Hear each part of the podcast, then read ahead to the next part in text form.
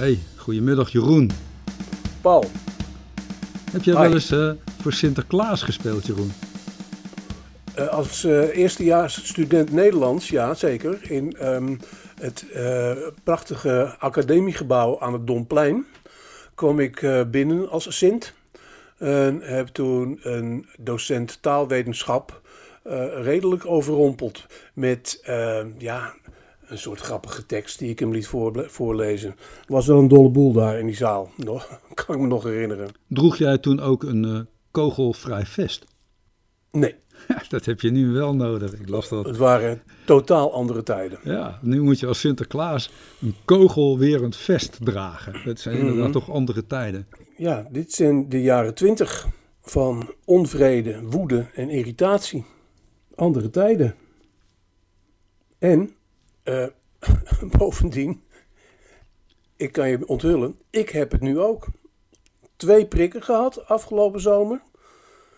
En wat gebeurt, wat voor toeval. Afgelopen vrijdag heb ik een Mhm. Utrechtse praatsessie voor RTV Utrecht. Daar is onder andere Ronald Giphart te gast, auteur van zijn nieuwe roman Nachtangst. En die vertelt eh en passant, vooraf, dat hij vijf weken geleden ook corona heeft gehad. Drie dagen 39 graden koorts. En ik had al een soort van verkoudheid. Maar in het weekend ben ik toch gaan testen. Nog steeds denkend dat het verkoudheid is. Maar met diezelfde verschijnselen blijkt het dus positief te zijn op corona. En ja, zo zit ik er nu in. Ehm, ik moet je zeggen, het gaat per dag beter. Het blijft aanvoelen als verkoudheid. En ehm, wat Ronald Giphart ook eh, zei, argumenteerde, dat menig vriend, maar ook een huisarts hem heeft verteld, dat hij blij mocht zijn dat hij gevaccineerd was, omdat het alleen maar erger had kunnen zijn. Ja, iets dergelijks geldt natuurlijk nu ook voor mij. Ehm, alleen eh, was ik wat meer overtuigd van mijn onaantastbaarheid, onraakbaarheid. Eh, Dat zo'n gevoel krijg je dan als na anderhalf jaar eh, corona met, met vaccinaties. Maar ehm, het is eh, blijkbaar toch anders. En ik, ik hoor het veel hoor om me heen. Jij toch ook? Of niet? Nou, ik heb de laatste tijd een beetje het brede contact gemeden. Ik maakte me in de zomer al zorgen. Ik, ik wist dat vaccinatie, ik ben ook gevaccineerd, wel eh, een zekere bescherming geeft, maar dat je dan nog wel besmettelijk kunt zijn en ziek kunt zijn. En als je dan weet dat die corona nog lang niet weg is, ja, en het is druk in de supermarkten, druk op straat, eh, druk in de steden, eh, ja, dan mijt ik dat een beetje. Dat heb ik toch een tijdje lang gedaan. Ik dacht, laat ik maar voorzichtig zijn. Ja, En tot nu toe ben ik aan de dans ontsnapt. Al besef ik wel dat waarschijnlijk iedereen het gaat krijgen. In wat meer lichte of wat zwaardere mate. Maar ja, je ziet nu toch dat er heel wat gevaccineerden ook in de ziekenhuizen liggen. ja. En dat hadden we toch niet Ja, verwacht. dat geeft ook aan hoe hardnekkig dit virus is. En eh, daar hadden we eh, in de afgelopen weken, in de nazomer, toch maar weer eens eh, allemaal gewoon vergeten. Want hoe ging Nederland er weer op uit? Hè? Hoe hoe vol stroomden de, de voetbalstadions niet? De bioscopen, de theaters en de restaurants. Wat was het oude leven toch weer helemaal eh, opge, opgelaaid? Wat waren we het weer aan het vieren? Je veralgemeniseert. Ik zeg net van, ik heb dat toch wel een beetje met leden ogen aangezien. Ik dacht, zitten wij straks weer in dezelfde ellende? Nou, je weet, ik heb natuurlijk heel lang eh, een fitnesscentrum gehad. heb ik nu niet meer. Maar ik was vorig jaar natuurlijk behoorlijk getroffen door die lockdowns. En dan, dan zit je daar toch wel heel dubbel in. Ja, zeker. En ik denk dat eh, als er nu weer een lockdown komt, het voor heel veel mensen, eh, met name in de horeca, een, een ramp is. Daar gaan we weer. Heel veel eh, kleinere ondernemers hebben natuurlijk in die periode ook privégeld geïnvesteerd, extra. Hebben zich tot het uiterste uitgewrongen om hun zaak overeind te houden, om hun klanten te vriend te houden, om er alles aan te doen. En ja, daar gaan we weer. En dan denk ik, hadden we toch niet ietsje voorzichtiger moeten zijn? Ja, ik kom nog wel eens in Duitsland, vertelde ik je ook. En daar zijn de mensen toch een stuk voorzichtiger. Daar ga je nog steeds in de zomer ook. In het begin van het najaar liep je daar ook nog met een mondkapje naar binnen. Afstand houden ging daar heel makkelijk. En hier was dat heel moeilijk. Ook mensen die je gewoon weer aanspreken, die heel dicht op je komen staan. Ik dacht toch, dit gaat niet goed. En daar maakte ik me wel zorgen over. En nu is het zover. Al moet ik zeggen, als je ziet het aantal besmettingen en het aantal ziekenhuisopnamen, dan moet je toch constateren dat het minder virulent is dan in de vorige periode. Alleen het aantal uh, neemt toe. Het is een, uh, een, een, een heel uh, scala. Hè? Als je vergelijking trekt met Duitsland, dat vind ik, vind ik een goede. En dan valt mij zo een, een term te binnen als volksaard. Ook weer niet voor algemeniseren, maar Duitsers zijn um, toch van oudsher wel erg um, gezagsgetrouw, denk ik. Uh, Nederlanders veel individualistischer. En um, aan de andere kant was het natuurlijk ook wel heel begrijpelijk. Ik heb het natuurlijk meegemaakt in, in, in de stad, in, in steden. Dat mensen toch weer graag bijvoorbeeld naar de Guess Who gingen. Of uh, naar tentoonstellingen in Groningen en, en, en um, Rotterdam, waar ik persbijeenkomsten heb meegemaakt. Um, allemaal culturele genoegens die men toch graag weer aanging. Maar, ik begrijp, ik snap ook wel uh, jouw opmerking. Alleen maak ik het dus in die steden heel duidelijk op verschillende plekken mee. De mensen die ik daar tegenkom zijn in ieder geval andere mensen dan hooligans, hè, dan railschoppers. allemaal gewoon brave cultuurgenieters. Bij Le Guess Who in Utrecht vielen de maatregelen ook heel hard binnen. Want het begon op een woensdag. Op een donderdag ging het voluit. Vrijdag ook nog. En toen kwamen de, de maatregelen ingrepen van Rutte en de jongen die, die bepaalde dat het op zaterdagavond om 6 uur dicht moest zijn. Nou, het festival heeft wel besloten om door te gaan. Uh, maar de mensen gingen op zaterdag ook om 6 uur ordelijk weg. Nou, ze hadden het programma vervroegd, hè? Deel naar de middag verplaatst. Hele, hele blokkenschema's op zaterdag naar voren, op zondag ook. En op zondag hebben ze ook stoeltjes neergezet. Je, je ziet ook op dit moment dat kinderen heel erg veel de besmetting met zich meedragen. Hè? Die scholen willen we ook niet meer sluiten natuurlijk. Ook, ook dat is, is voorzien. Hè? En dat maakt kinderen tot onschuldige, schuldige verspreiders. Uh, het waait door ons land. Oh, volksaard. Um, overal opstootjes. Ook op een heleboel plaatsen, plaatsen niet. Maar in een aantal grote uh, steden is het natuurlijk manifest. En het, is. Um, maakt dezelfde dynamiek zichtbaar als tijdens een van de eerste golven in Eindhoven. Toen de burgemeester Jorritsma het ook al over idioten had. Um, ik ben meer geneigd uh, te, gaan, te spreken van, van zwaar gefrustreerden. Mensen die zich opnieuw van hun vrijheid beroofd voelen. En die in Groningen of in elders in Rotterdam ineens ook niet meer naar het stadion kunnen. Het stadion, toch sociologisch beproefd. Uit de, uitermate ouderwetse uitlaatkleppen, die stadions. En nu kunnen ze daar niet naar binnen. Dan dat natuurlijk. Hè. Kijk, je zag die avond, er kwam van alles samen. Voor heel veel mensen is het voetbal, dat is, ja, daar leven ze voor. Ja. En, en, en, we kunnen weer naar het stadion en van de een op de andere dag niet. En zij voelden zich natuurlijk echt extra getroffen. Dan moet je ook eens even kijken dat vlak voordat die uh, maatregel genomen werd, er nog volop carnaval werd gevierd in het zuiden. En de dag daarna.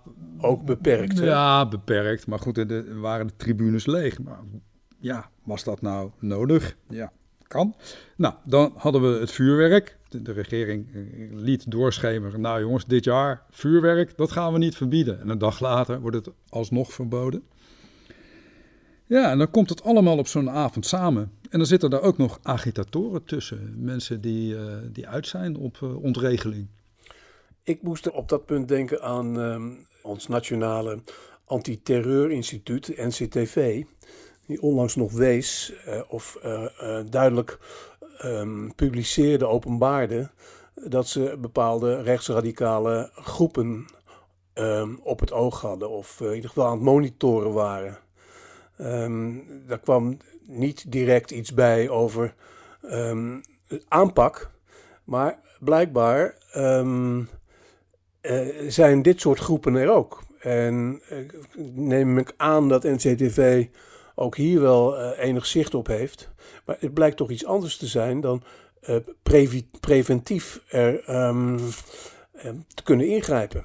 We wonen in een rechtsstaat. Je kan niet zomaar iemand vanwege ideeën oppakken. Wat wel kan, is dat je, en dat, dat wordt ook omstreden, dergelijke mensen toch in de gaten houdt en, en opspoort. En dat je ze kent. En dat je ze naar aanleiding van wat er afgelopen weekend gebeurt, herkent. Ja, en dan heb je wel een punt om mensen op te pakken. Als er bewezen geweld gepleegd is. Maar je kan natuurlijk niet mensen preventief gaan oppakken vanwege hun ideeën. Ja, ja. En um, het gaat natuurlijk ook uh, uh, nog wel even door. Ik, ik, durf de bewering wel aan dat het uh, per nieuwe golf, juist vanwege de frustratie, alleen maar erger wordt. En dat het net als een, een, een, een, een epidemie, net als een ziekte, of een, wel weer zal afzwakken, maar het is, het is een conjuncturele beweging, bedoel ik. Leg, leg uit. De eerste golf uh, heeft eh, destijds al de, de, de opstoten rellen veroorzaakt in Eindhoven, die ook elders verder gingen. Daarna komt um, de opluchting van de zomer. Um, neemt het ook direct weer af. Maar een, nieuwe golf, hoe voorzienbaar ook, wordt toch weer ervaren als een, met ingreep en al, als een, eh, als een nieuwe frustratie. Mensen worden, worden extra boos, omdat ze meenden dat ze er definitief van af waren. En alle waarschuwingen, hè, en ook uh, zorgen zoals die van jou, uh, worden niet voldoende serieus genomen. Ja, wat je dan ziet, hè, dat, dat, dat zit ook een beetje in, in, in de woorden zoals je ze uitspreekt. Het idee dat de overheid ons belemmert, onze vrijheid afpakt en dat het min of meer willekeurig gebeurt. Of vanuit machtswellust.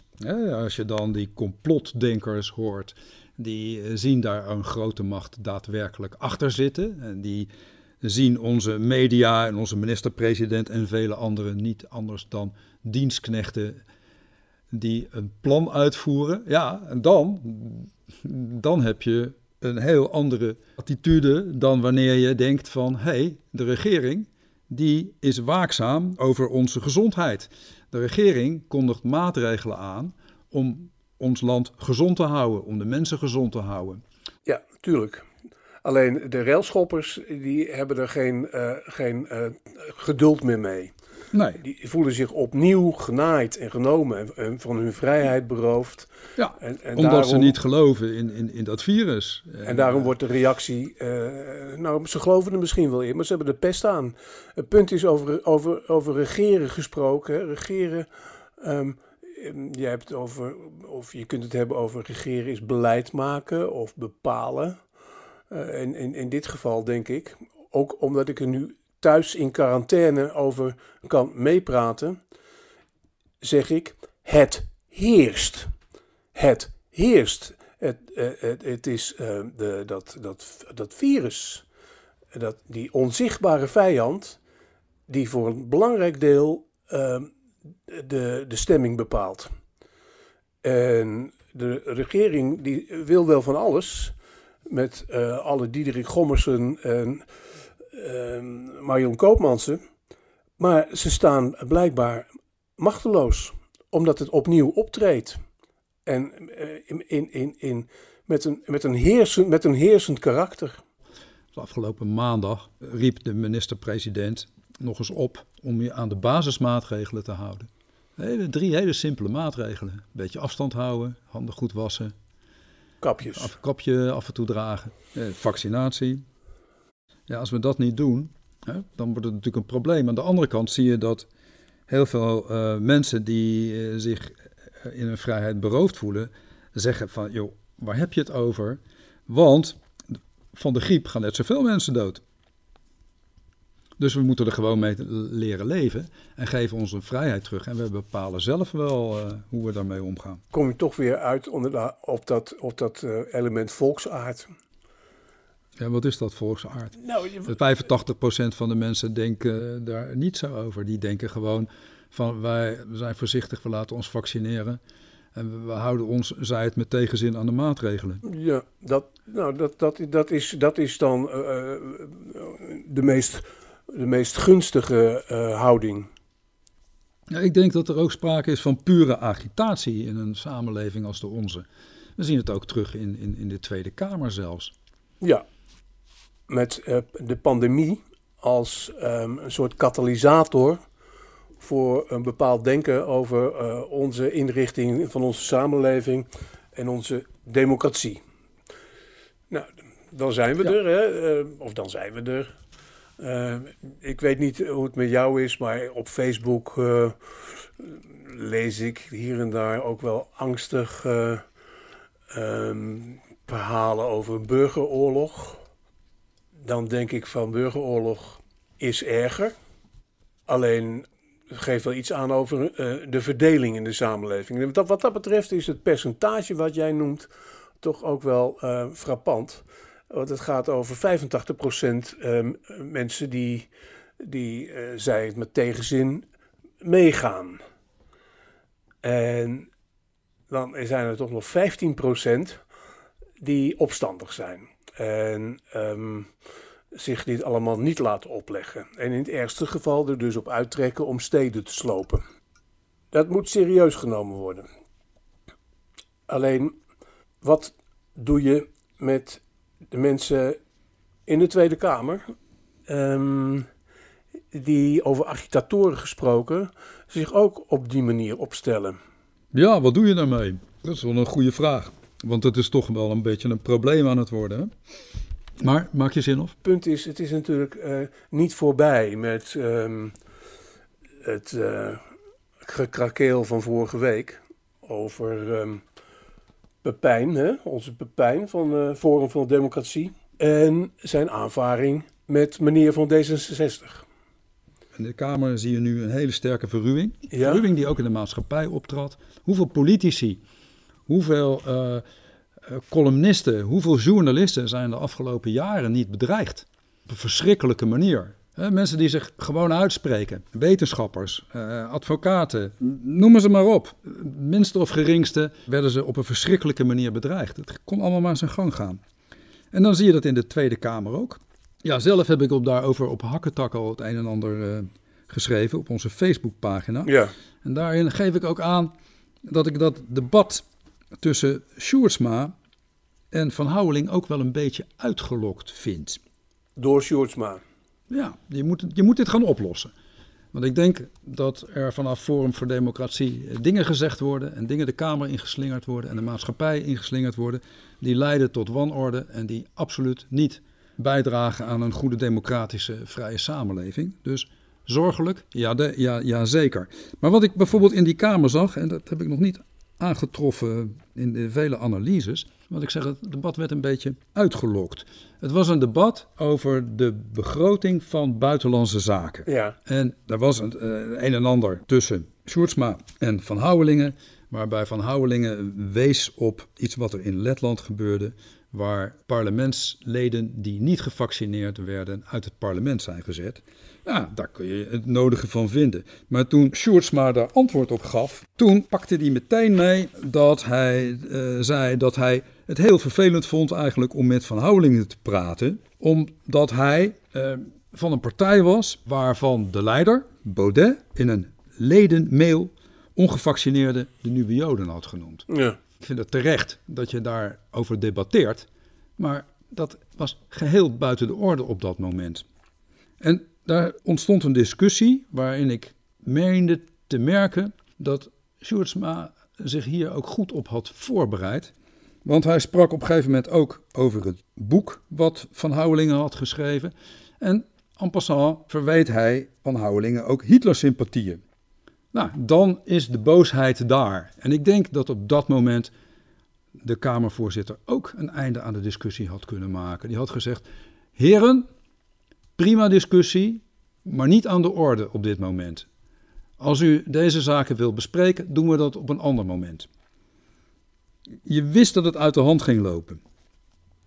En natuurlijk zijn die bedreigingen volkomen buiten de orde. Ja, alleen denk ik, eh, of het nou Sjoerdsma is of iemand anders, ehm, dat dit gewoon een keer naar buiten moest komen. Ja, dat zeg ik ook, maar niet in dat debat. Nee, zeker niet. Want en waarom blok je het uit? Want, want je geeft mensen wel een, podium. En wat je dan ook zag, hè, dat de rechtstreekse aanvallen. De rechtstreekse aanval zonder dat de voorzitter daarbij werd betrokken. Je kan niet zeggen tegen je opponent, wilt u dit terugnemen? De voorzitter moest drie, vier keer tot de orde roepen. En daar heeft een instrument om te zeggen, heren, ik kap dit debat af. U luistert niet. Het grappige was dat Sjoerdsma dat al een beetje had geprobeerd met Wilders. Daar trapten ze er niet in.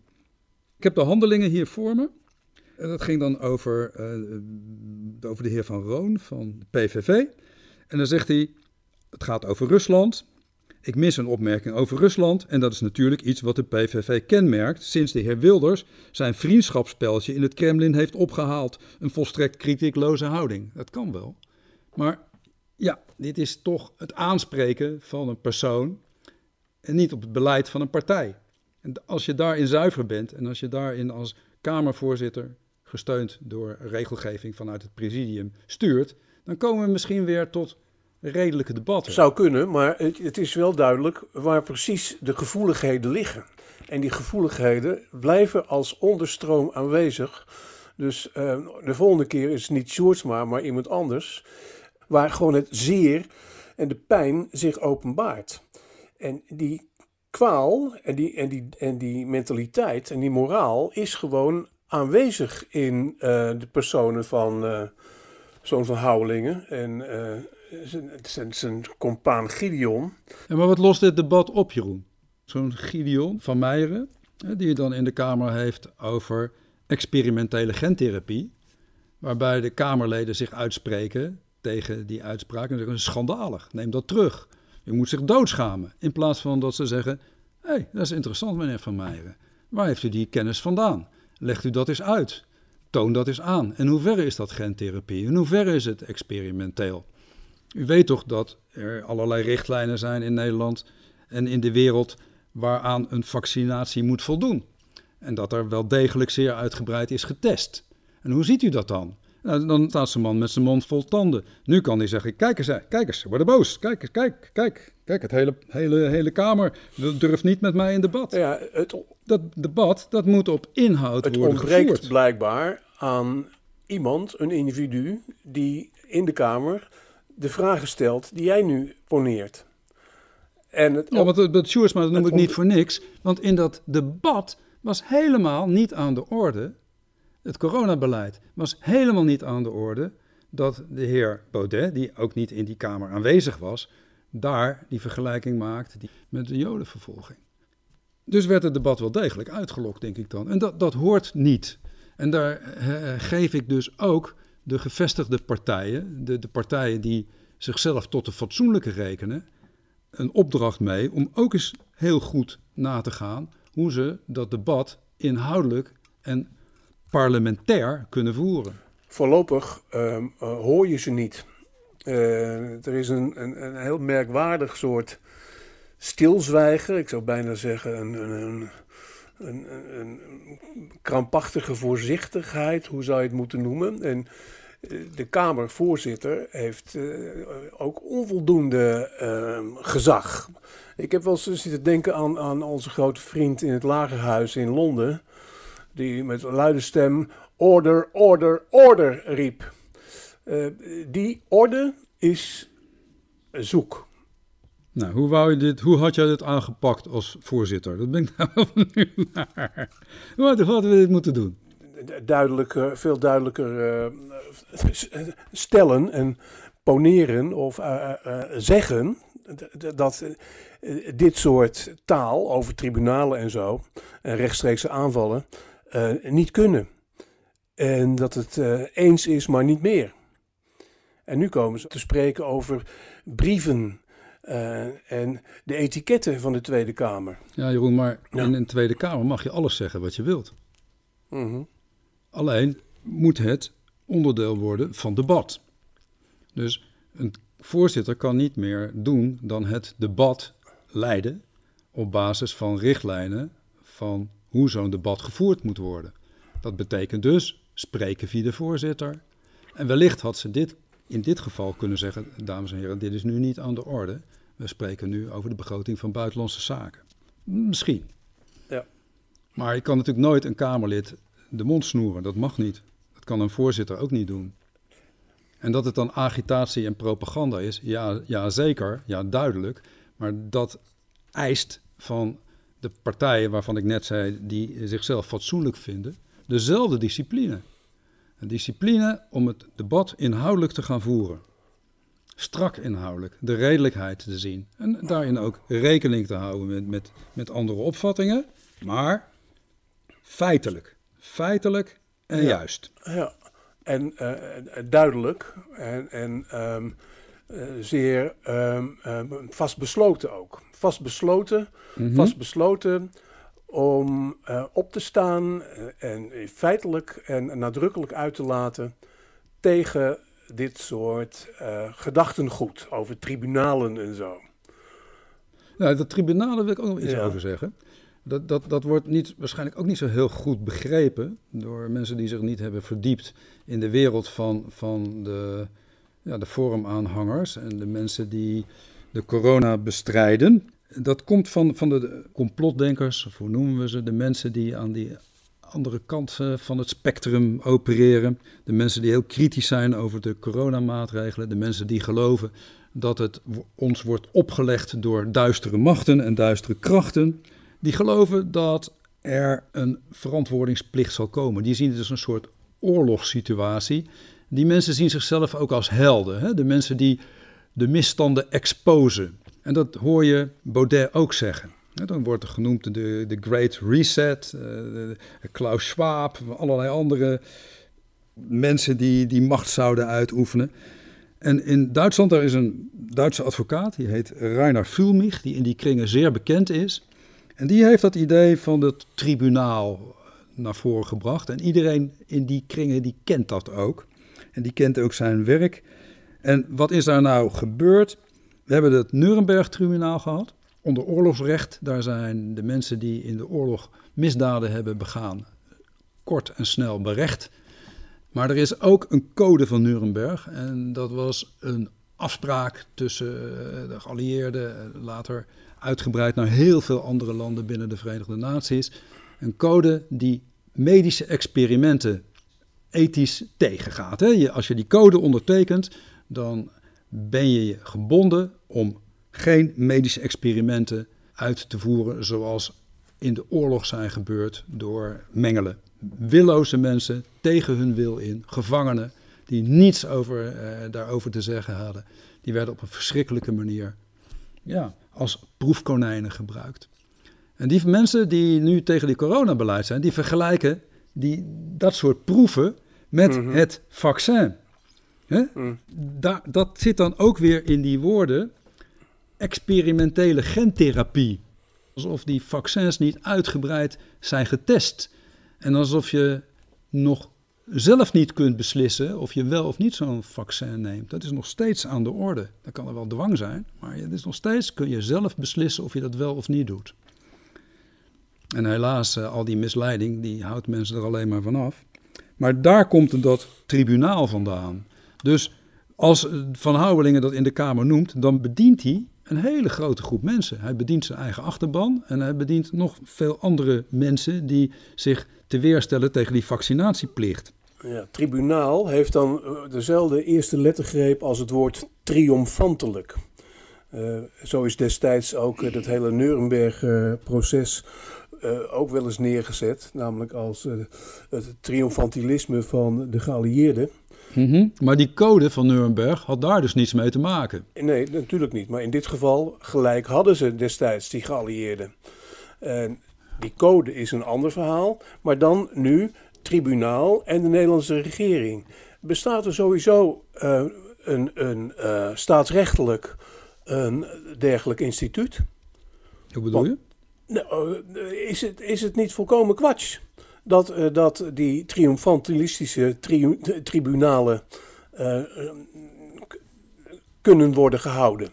Hoe bedoel je? Best, best, besta bestaat het staatsrechtelijk? Wat? Om een regering voor een tribunaal te brengen. Zoals door Pepijn van Houwelingen aangekondigd. Maar zij denken dan aan, aan, een soort nieuwe wereldorde waarin dat gaat gebeuren.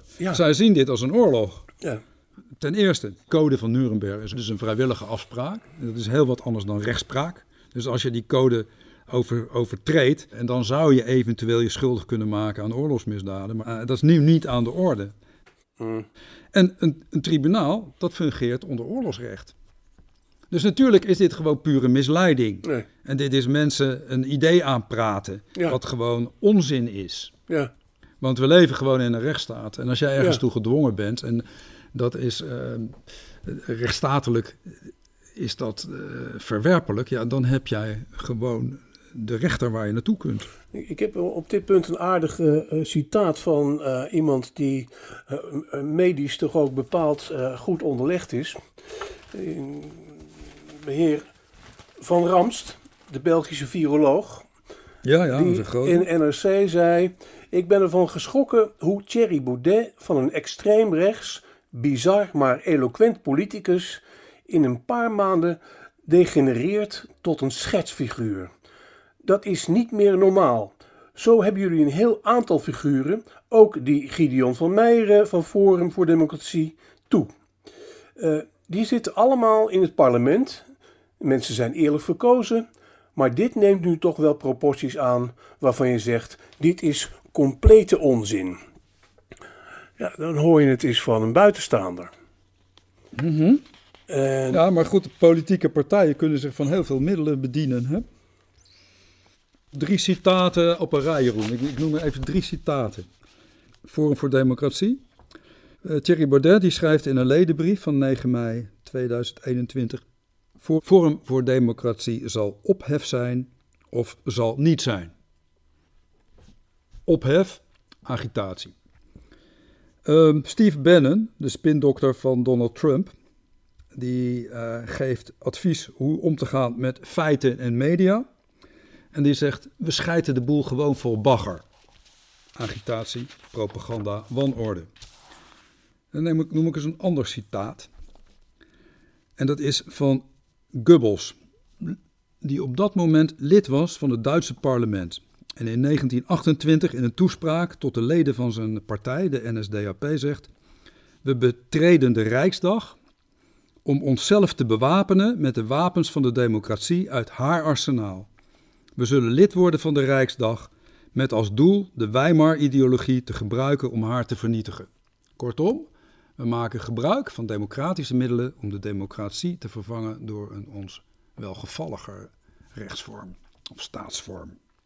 Dus politieke agitatie is wel degelijk een middel waarvan politici gebruik kunnen maken. En misschien leven we wel weer in een tijd waarin dat soort middelen ook doordringen in ons parlement. Ja, alleen we weten ook allemaal eh, bij herhaald optreden van dit soort propaganda, met dezelfde middelen, en misschien andere woorden, maar in ieder geval met dezelfde bedoeling en motieven, weten we toch ook hoe het met Goebbels afgelopen is. En dat, dat, is, dat is wat me zo ook intrigeert in alles. Dat, het- in zaken voor Forum voor Democratie eh, komt er ook nog een zekere eh, verheerlijking van het Derde Rijk om de hoek kijken. Ja, hoezo? Kan je dat toelichten, Jeroen? Er is toch eh, sprake van een soort eh, nieuwe omarming van dergelijke ideeën. En het- Derde Rijk, dat gaat over een autoritaire staat.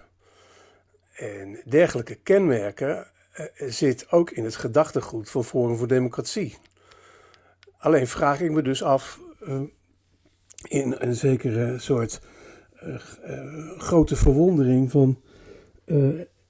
hebben die dan niets van de geschiedenis geleerd, zoals wij, eh, eh, in de sfeer van eh, een, een dergelijke regeringsvorm, zo dictatoriaal als maar kan, eh, kan, bij ons in eh, West-Europa geen sprake meer, van, meer zijn. En eh, desondanks treedt toch weer een, een, een dergelijk denken op. het wordt ook, ook gememoreerd door uh, Roel van Duin. Hè? Die, in, in, in het echte complot. De, de waarheid achter de wanen. Ik heb het grondig gelezen. En, mooi, mooi boek. Maar om even af te maken, nog maar even, even, even afmaken wat ik wilde zeggen over, over dat Derde Rijk en zo. Um, het is um, voor uh, duizend jaar bedacht en het heeft niet langer dan zes jaar bestaan. Het is vernietigd. Er is een uh, eind aangemaakt door krachten in de wereld. Uh, die, um, zij het met onnoemelijk veel geweld en met heel veel slachtoffers, een eind hebben gemaakt aan dit soort denken. Derde rijken uh, zijn um, niet wenselijk. Ja, Jeroen, Hitler heeft de oorlog verloren. Maar zijn gedachtegoed is nooit helemaal verdwenen. En dat is de ellende. Mensen die dat gedachtegoed aanhangen, hoe verwerpelijk ook, die denken dat Hitler fouten heeft gemaakt. Strategische fouten. En dat ze de Rusland niet waren binnengevallen. Dat het Rijk wel degelijk duizend jaar had geduurd. En, en de ideeën rondom dictaturen die zijn veel ouder. Je ziet in Europa op dit moment uh, mensen die denken we moeten die, die keizerrijken, die, die grote rijken herstellen. Het Habsburgse Rijk, het uh, Tsaristische Rijk, het Ottomaanse Rijk. Het is niet weg, maar het, Roel van Duin haal je heel terecht aan. Maar Roel is aan het einde van zijn, zijn bijzondere boek heel pessimistisch. Heel pessimistisch. Hij ziet hier om ons heen in dit land overal kiemen van een derde wereldoorlog. En daar besluit hij zijn boek mee. Dan ziet hij ook wel uh, wat, wat mogelijke oplossingen. Maar over de doorvoering en invoering daarvan is hij niet zo heel optimistisch. Laten we even, even het boek kort samenvatten. Doe jij dat? Nou, het komt erop neer dat uh, Roel van Duin um, op zeker moment tot zijn grote leedwezen vaststelde dat bepaalde uh, toch hoogopgeleide vrienden uit zijn kring begonnen uh, met het aanhangen van complottheorieën. En dat werd Van Duin zodanig te veel dat hij, dat hij in een soort van woede is ontstoken en um, de aard van die theorieën is gaan analyseren. En om ze te ontkrachten, om ze te weerleggen. Uh, met de vaststelling dat in een democratie alleen maar kan werken volgens objectieve waarheden en feiten. En moraal. En moraal. en complottheorieën, um, zegt hij, zijn het hardnekkigst in uh, nepplotten, heeft hij het dan weer over. Zijn extreem werkzaam in tijden van verwarring, verbittering en angst. Hij trekt daarbij parallellen tot diep in de middeleeuwen. Met uh, heksenvervolging. Uh, ook toenmalige beschuldiging van uh, de Joden als veroorzakers van de zwarte dood. De pest. tendensen die ook, weer terug, ook weer terugkwamen. Juist hier nu in de 20e eeuw. En um, trekt parallellen met Poetin. Met Trump eh, de QAnon, eh, eh, de, ja, zich als een olievlek verspreidende propaganda tegen de zogenaamde deep state. En uiteindelijk concludeert hij bij het weerleggen van de kwatsch van de kanon dat het echte complot is een conctie van rechtse partijen in het westen en dictatoriale staten in het oosten, Rusland voorop um, om het terug te brengen tot um, de kern naast alle nep. En ik denk dat daar ook zijn waarschuwing over gaat en, zijn, en dat dat zijn pessimisme uitmaakt. Um, het echte complot, zegt hij dan, hè? dat is dat grote staten, zoals Rusland, China, complotten verspreiden en dan ontkennen dat het complotten zijn. Terwijl het ondertussen maar doorgaat. Hij ontzenuwt uh, bijvoorbeeld in dit alles ook uh, het, het, het idee fix van een wereldorde van kapitalisme, van kapitalisten, die bezig zijn om de wereld over te nemen.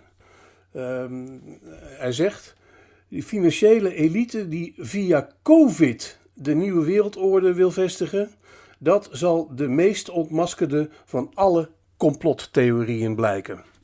Daar, heeft hij ook zo'n hele hardnekkige aan, aan, bij de hand. Hè? Dat van de, de kinderverkrachtende elite. Ja, en die is al ouder dan COVID. Hè? Dat, is, dat, dat speelt al vanaf 2014.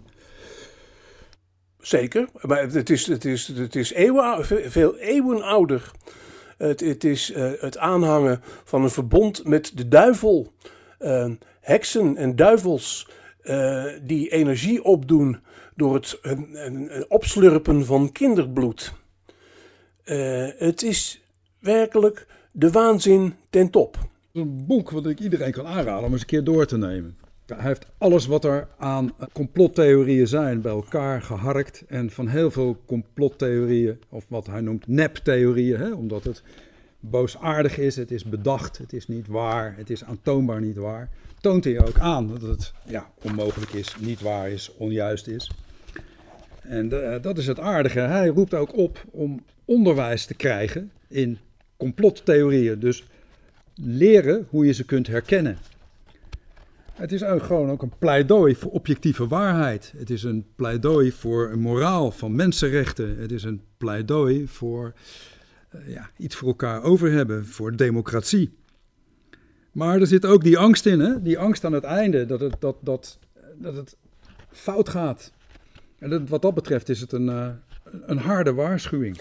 Nou ja, het is een, uh, het is een andere manier um, om met Van Rams te, uh, te zeggen dat er een boel complete onzin rondgaat in de wereld. hou op met die flauwekul. Um, is eigenlijk de, de basisgedachte achter het echte complot van Roel van Duin. Ik vind het bemoedigend um, dat hij dat boek schrijft. Um, ik vind het, ik, en, terecht, ik, ik vind het ook goed dat hij dat uh, als bijna 80-jarige oude provo nog doet. Uh, ik vind dat hij het heel grondig doet. Ook uh, met het aanhalen van wat er in, Arabi in, de Arabische wereld, in het Midden-Oosten allemaal rondgaat. Over waanzinnige jodencomplotten. Ja, de oude protocollen van de wijze van Zion. Een van de meest giftige boeken ooit verspreid. Daar hebben we het eerder over gehad wordt daar nog steeds als waar geschrift behandeld. Ja, dat is uh, afschuwelijk. In ieder geval is er tegenwicht in zo'n uh, boek van Van van Duin, de opvattingen van Van Ranst. Uh, Nederland, nee, om Nederland, om gewoon met, met het eigen landje terug te komen, is er een, een, sterke pers met goede columnisten hier en daar, die op de gevaren blijven wijzen. Ehm, het, is alleen de, het is alleen de vraag of um, waar uh, dit soort mensen horen tot de mainstream media, uh, of uh, dit met de aanbeveling van Roel van Duin voor onderwijs over complottheorieën wel juist terechtkomt bij die groeperingen die die theorieën zo hardnekkig blijven aanhangen. Het zou wel heel nuttig zijn. Uh, Misschien wel om ze in hun eigen gewenste enclave, hè, wat, hè, forumland of zo, om ze toch eens een middag bij te praten over uh, de harde feiten en de duidelijkheid die Roel van Duin hier anno 2021 heeft willen brengen. Nou, het lijkt me een mooie opdracht. ja, ja. Ja, ja. Spread the word. Ja, ja. ja goed. Dat is, dat is inderdaad fantastisch om dat eens een keer te doen. Nou, ik vind sowieso dat daar ook in, in wat je dan noemt mainstream media, wat meer aandacht zou voor moeten zijn. Dat je de achtergronden van dit soort verhalen eens een keer goed belicht. En dat je ook uh, aantoont uh, hoe verzonnen ze zijn en waar ze toe leiden. En dat is voor niemand gunstig. Het is ook goed dat wij er uh, af en toe zo op terugkomen, want het zal niet uh, het is niet zomaar uh, om het af te doen met incidenten en complete onzin zal het blijven. Alleen je moet er ook tegen blijven ageren. Mm -hmm. en, en, en, het ook steeds weer terugbrengen tot de kern. En in dit, dit verband zeg ik, met wijkende COVID in mijn lijf, uh, de terugbrengen van de angst. Het inkaderen en ommuren van de angst als uh, grondstof voor al die complotten en propaganda. Ja, ik zou ook graag willen een, een herstel van het geloof in democratisch functioneren. En dat, dat is eigenlijk een opdracht aan elke parlementariër. Wat dat, wat betreft is het goed dat de Kamer zich daar eens een keer over buigt, zei het pas in januari. Dat de Kamer ook eens goed nadenkt van hoe kunnen wij onze bijdrage leveren. Ik wil nog één voorbeeld noemen tot besluit van iets waar ik me over heb verbaasd. We hebben heel veel discussie de afgelopen weken gehad over 2G. De Kamer heeft daar al over gedebatteerd. Zelf vind ik dat heel erg prematuur. Want er zijn natuurlijk ook heel veel mensen die daar heel veel moeite mee hebben. En dat zijn motieven en dat zijn argumenten die je niet bij voorbaat terzijde mag schuilen. Wat nou volgens mij eerst had moeten gebeuren, en de Kamer is controlerend, wetgevend, dat de regering eerst is echt met een plan had moeten komen. Je kan niet zomaar zeggen 2G. Uh, eh, je kan mensen niet zomaar uitsluiten van deelname aan al het maatschappelijk verkeer. zonder daar hele sterke argumenten voor te hebben. En zonder daar ja, concept wetteksten voor te maken. Wetteksten op basis van adviezen van het OMT. op basis van adviezen van de Raad van State. waarin ook heel goed wordt gekeken naar de argumenten van de mensen die er tegen zijn. En dan moet er een afweging gemaakt worden. En in die afweging kan de Kamer haar rol vervullen. En dan krijg je een inhoudelijk debat waarin je ook de argumenten van mensen die er tegen zijn recht doet. En op basis van rechtsstatelijke argumenten, van juridische argumenten, dan is er echt over nagedacht. Dan hebben we wetenschappelijk advies, we hebben een goed staatsrechtelijk advies en we hebben een voornemen van de regering. Ja, en dan heb je een debat op inhoud. En ondertussen uh, voelen de niet-gevaccineerden zich de Anne Franks en Sophie Scholz van deze tijd, schrijft Roel van Duin ook. Um, ze um, identificeren zich daarmee uh, met um, historische heldinnen. Maar het is ook weer volkomen buiten de orde. Absoluut geen vergelijk. Nee. En dit is over debat gesproken, iets wat natuurlijk uh, buiten de Haagse stolp uh, al veel heftiger leeft in, in Nederland. En dat is natuurlijk ook iets wat het kabinet aanvoelt.